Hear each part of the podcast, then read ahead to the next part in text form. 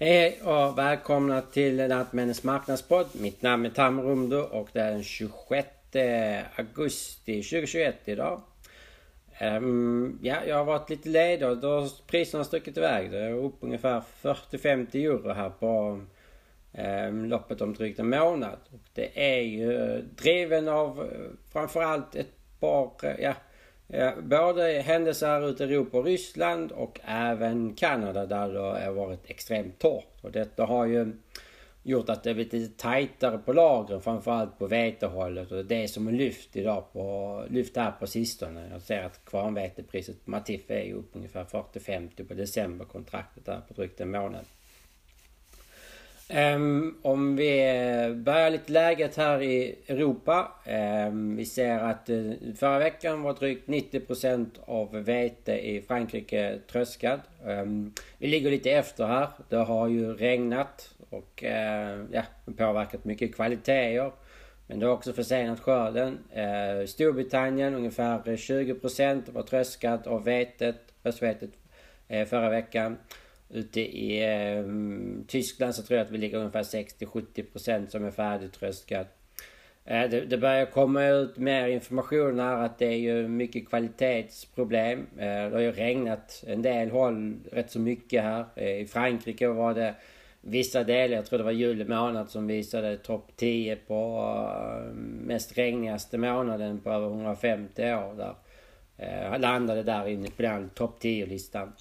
Ehm, um, ser vi till här så på sistone har det regnat rätt, rätt så mycket ute i Polen, Baltikum. Så det är väldigt många som har fått väldigt mycket kvalitetsproblem. Ehm, det var ju också, det ser väldigt bra ut här i början av juni. Eh, väldigt många håll ute i Europa. Och man trodde att det skulle bli riktigt höga avkastningar men det har ju ändrat sig med värmen som kom in och nu har regnet kommit in också som påverkar ytterligare kvaliteter och kommer också med sänkningar. Tar vi exempelvis Frankrike så var det eh, förväntningar där på 37-38 miljoner att detta skulle bli den tredje största veteskörden. Nu pratar man mer ner mot 36 och det kommer, här börjar det komma 35 också och det, det, det kommer ytterligare sänkningar. Så framförallt också att man bör höra en större andel fodervete än man tidigare hade förväntningar. Man säger att det, prisdifferensen har ju stigit också mellan vad som är kvar och på foder ute i marknaden just nu. Um, det, situationen är ju att vi ser också en likartad utveckling för uh, Ryssland också delvis kan man säga. Det var ju det, det, det som drivit priset är ju den här eh, uh, situationen som uppstått i Europa men också det som uppstått ute i Kanada uh, och i Ryssland. I Ryssland så börjar man ju eh, upptäcka att avkastningen avkastningar på östvete faktiskt blir lägre än man tidigare trott. Det var väldigt många analyshus som var ute där att man skulle kanske kunna tangera eh, dessa rekordnivån på 85 miljoner. Kanske börja komma upp lite högre på 86-87 miljoner ton börjar man prata om. Men så plötsligt började man inte bärga en del av höstvetet så ser man att avkastningen var ju lägre. De, de hade ju ett problem med den här riktigt torra perioden eftersom man har sått det. Så det tog ju väldigt lång tid innan det började gro. Men när väl började gro ute i eh, fälten så såg det rätt så fördelaktigt ut. Väldigt gynnsam ut, alltså grödan. Och man trodde på att det skulle bli rätt så bra avkastningar också. Men eh, nu när man tröskar så ser man att det har förmodligen tagit en del stryk där. Och sen den andra biten är ju också att det har blivit mycket mer utvintring än man tidigare trott. Eh, det har ju, så en del arealer har fallit bort också på grund av detta här. Så USD kom ju här eh, i senaste augustirapporten så hade de 85 miljoner i juli och sen plötsligt så hade de stängt till 72,5 så 12,5 miljoner ton vete som bara försvann. Och då, därtill har man sänkt också rysk eh, veteexport. Det är ju inne i samma nivå nu med Europa så man ligger på runt 35 miljoner ton på båda två. Så det blir lite tajt vem som blir eh, vinnaren. vinnare. Ryssland har ju varit den största exportören de senaste åren här. Men nu börjar det bli lite tajtare på vetebalansen också globalt sett. Ser vi till exempelvis USA så har ju USD sänkt. Där vi är nere på 17 miljoner plus någonting på eh, USAs vetebalans. Och det är lägsta nivån sedan 2013. Det är året när eh, när USA fick en riktigt dålig skörd. Det är inte lika illa som 07-08 som det var nästan eh, tom på vetelagren eh, på flera håll från exportländer. Men, men vi börjar komma ner till väldigt låga nivåer och detsamma gäller också för majsen. Det börjar bli mycket, mycket lägre nivåer eh, där också. Mycket tajtare situation. Eh, annars har ju USA genomfört den här eh, i, det finns ett eh, Pro Profarmer, de brukar vara ute och göra sin crop tour, de är ute och gör fältstudier och bedöma vad avkastningen kommer att vara. De gjort för mig så sa jag att avslutades förra veckan och det ser ut som att de förväntar sig något högre avkastning vad USD har. Så det ser ju lite eh, mer eh, lugnare på det hållet i alla fall. Men för vete har det gått åt andra hållet. Eh, man har sänkt också veteskörden i Kanada rätt så kraftigt. Jag tror vi är nere, Förut sänkte nästan med 8 miljoner ton USD från juli till augusti på veteskörden också. Så vi fick en rätt kraftig sänkning på vetebalansen när USD presenterade. Men det är inte bara vete som har fått stryk och eh, påverkas på kvalitet. Även för malt så har vi likartat ute i Europa att vi får kanske lite högre proteinhalt. Det har börjat komma ut lite här och där. Eh, för havre har det börjat komma ut att det har regnat så börjar man oroa sig över kvalitet. Framförallt här i norra delarna av Östersjöregionen. Att det kanske blir en större andel fodervete, foderhavre istället för gryn. Och samtidigt så är ju Kanada som är den stora exportören, stora eh, som är störst på marknaden plötsligt har fått en rejäl sänkning, Så riktigt kass skörd. Man pratar om lägsta skörden, spannmålsskörden sedan 1988 i Kanada. Och eh, det gör ju också att havreskörden har blivit betydligt lägre. Samtidigt så har de väldigt små, alltså nästan inga lager kvar på gammal skörd innan detta skördet börjar. Det gör ju att det blir ännu snävare marknadssituation för kanadensisk havre och tillgängligheten på exportmarknaden. Så det kommer bli lite brist. Annars var det att om Kanada hade fått en bra skörd, en okej okay skörd, en normal skörd. Så hade vi förmodligen haft rätt så tom balans på havre. Ja, för Europa tycks kunna få rätt så stor eh, överskott år. Men på grund av att Kanada försvinner så, så tar det bort en del av den här balansen också. Samtidigt så är priset rätt så lågt idag just nu på foderhav. Skulle den hålla sig där så tror jag att vi får kanske, kanske komma ner lite på lagersiffrorna också för eh, havren ute i Europa och i världen. Så det, jag tror det finns lite gynnsamma förhållanden både för eh, gryn, eh, havre och även kanske för maltkorn. Och det finns dessa premien. Man märker ju att det finns en premiedifferens exempelvis idag på kvarn och eh, eh fodervete exempelvis. Eh, tittar vi bara lite kort om rågen också. Även där så står det lite tyngre ut återigen när man börjar på det mm, innan eh, året kommer igång. Och det ser som att det kommer att vara åter en tung eh, ja, lagersituation för rågen. Det var det som man såg också förra året. Man förväntade sig rätt så höga lagersiffror för rågen ute i Europa. Och det är att då är det Tyskland och Polen som man tittar på. De står ungefär för 80% av all produktion. Och de dominerar totalt vad eh, lagersiffrorna kommer att bli. Eh, under föregående alltså skörde, alltså en gammal skörd, så såg vi att det kom eh, nästan dubbelt så mycket export av råg från Polen till Tyskland och inte foderfabriker. Och eh, även exporten var högre till eh, Nederländerna, samma sak i foderindustrin och till spanska foderindustrin. Och det hade ju saker med att eh, priset var ju så fördelaktigt i förhållande. Det låg ungefär så 50 euro lägre än vad priset låg för exempel för fodervete. Och det gjorde ju att det, det var ju väldigt attraktivt att blanda in eh, råg in i eh, foderinblandningar istället. Och jag tror att vi måste ligga där för att rågen inte ska bli för tung för nästkommande skördar. Jag tror det är där marknaden kommer att sätta priset. Så det är mycket möjligt att vi får inte så tung rågbalans heller. Ja. Så totalt så ser det väldigt, väldigt tajt ut på de globala, alltså europeiska balansen. Ja, situationen var lite annorlunda där i början av juni vi såg väldigt bra skördar på gång men så kom det varmt och regn och så försvinner Och det har påverkat också ute i Ryssland och i Kanada och även i med USA med framförallt på vårvetet. Så vete har ju fått ytterligare stöd. Samtidigt så ser vi också att det finns en stark importbehov eh, från flera olika länder som också fått dåliga skördar. Turkiet, Algeriet, stora importländer. Eh, även andra eh, länder runt Mellanöstern som också brukar köpa in rätt så mycket vete. Så eh, det finns ju kanske en behov också. Men samtidigt så ser vi att det är väldigt många som börjar annullera dessa båtarna alltså, som offererar och sen får de ett pris och sen tycker de att det är för högt. Så, så, så, har de bestämt sig för att inte köpa in. Exempelvis Egypten ligger nästan 30% långsammare i importtakt jämfört med vad de låg eh, förra året. Alltså GASK det, som brukar köpa in. Så det är ju lite bevis på att de, tycker att priserna är lite för höga just nu och det är väl lite det.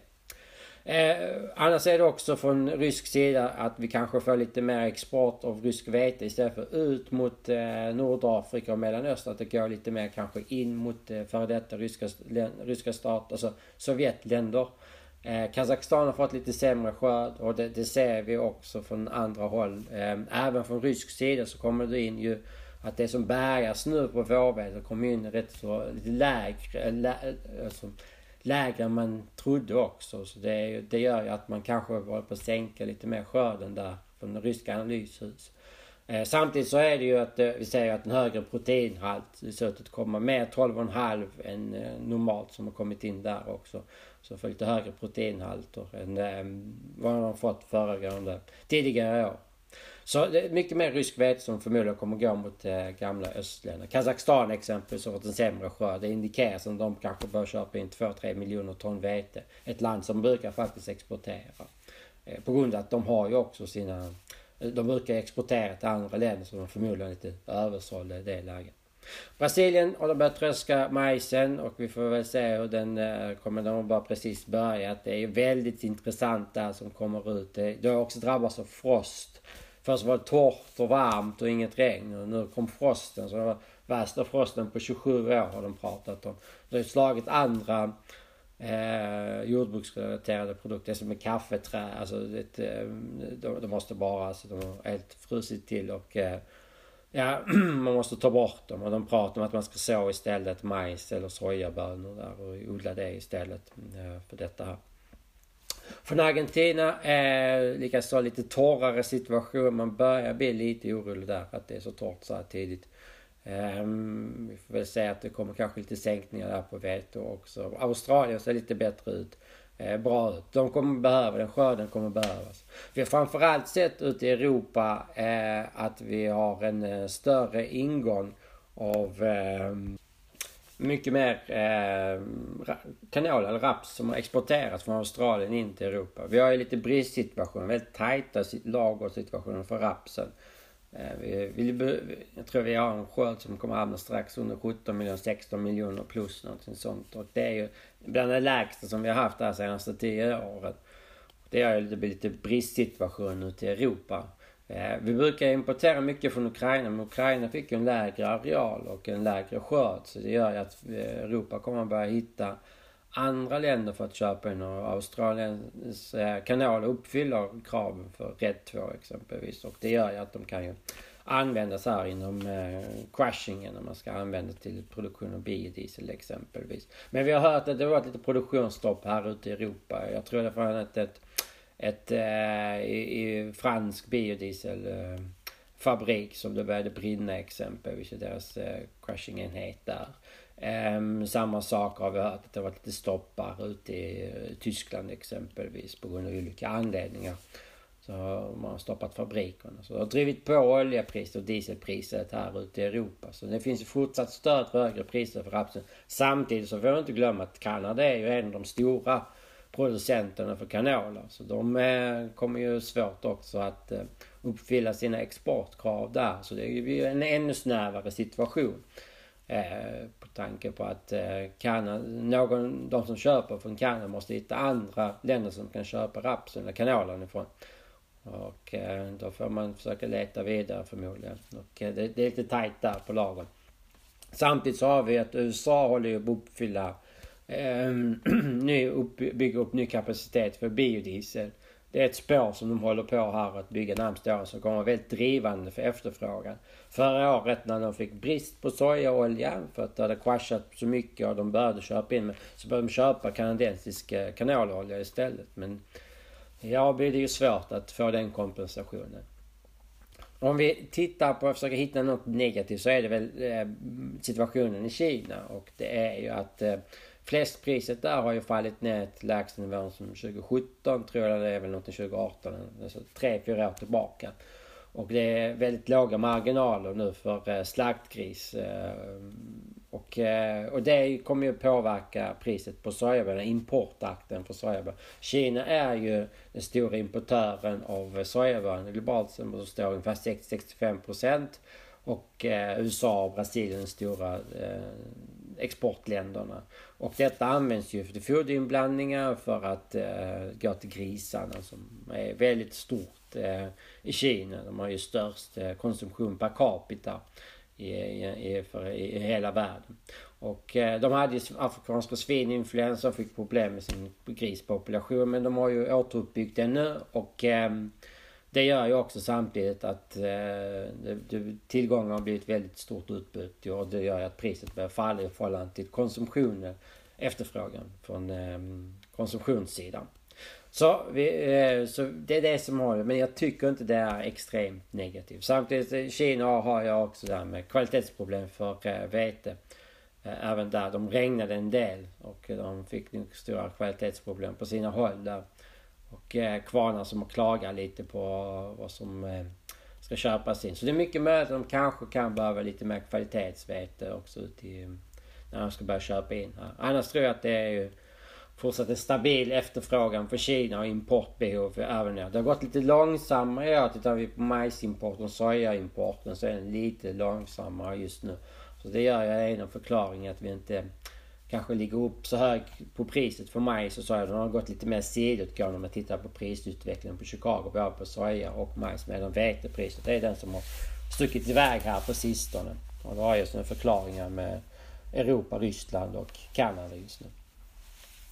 Ehm, jag är som, ja, som alltid skulle man nästan säga att jag är bullish. Jag, jag har ju, jag har 240, 250. Ja det är höga priser. Man får ju inte säga nej till det. Men jag tror att fortsatt eh, det, det kan ju gå ännu högre. Jag, jag, säger inte att det inte kan. Jag tror samma sak på rapsen. Um, alltså varför inte? Alltså, det, det, är ju så brist på det överallt. Alltså USAs vetelager nere på 17 miljoner. USA är en av de sista som Eh, det här vetelagren töms, börjar tömmas och de är nere på 2013 års nivå. Så jag tycker att det börjar bli väldigt tajt på situationen. Och jag, jag tror det kommer bli ett ansträngt läge i, år för att um, få ihop, få ihop balanserna USD kommer kämpa och väldigt många andra länder kommer kämpa. Och vi försöker dra ut på det och hoppas på att nästa år blir bättre. Så man försöker använda mer lag och försöker justera recepten mycket mer i år för att kunna klara av året med de höga nivåerna. Sen tror jag också att vi får nog vänja oss vid att prisnivåerna kommer ligga högre än för att man varit de senaste 5-7 åren. Vi kommer ligga här på 200 plus. Eh, det tror jag, det kan, det tror jag definitivt. Vi har stark efterfrågan Eh, drivande faktorer eh, närmsta åren. Det har vi inte haft. Vi har både Kina och den här med sojabönor för biodiesel i USA. Eh, det kommer ta väldigt stor areal och kommer krävas eh, Ja, det, det, kommer behövas mycket arealer där på sojaoljan som kommer behöva gå till det. Och det kan göra att det blir mindre areal till majs och vete i USA som kan göra att det blir lite mer bristsituation på grund av den situationen. Så Fortsatt bullish. Det får avsluta den här gången. Tack för att du lyssnade. Ha så bra. Hej hej.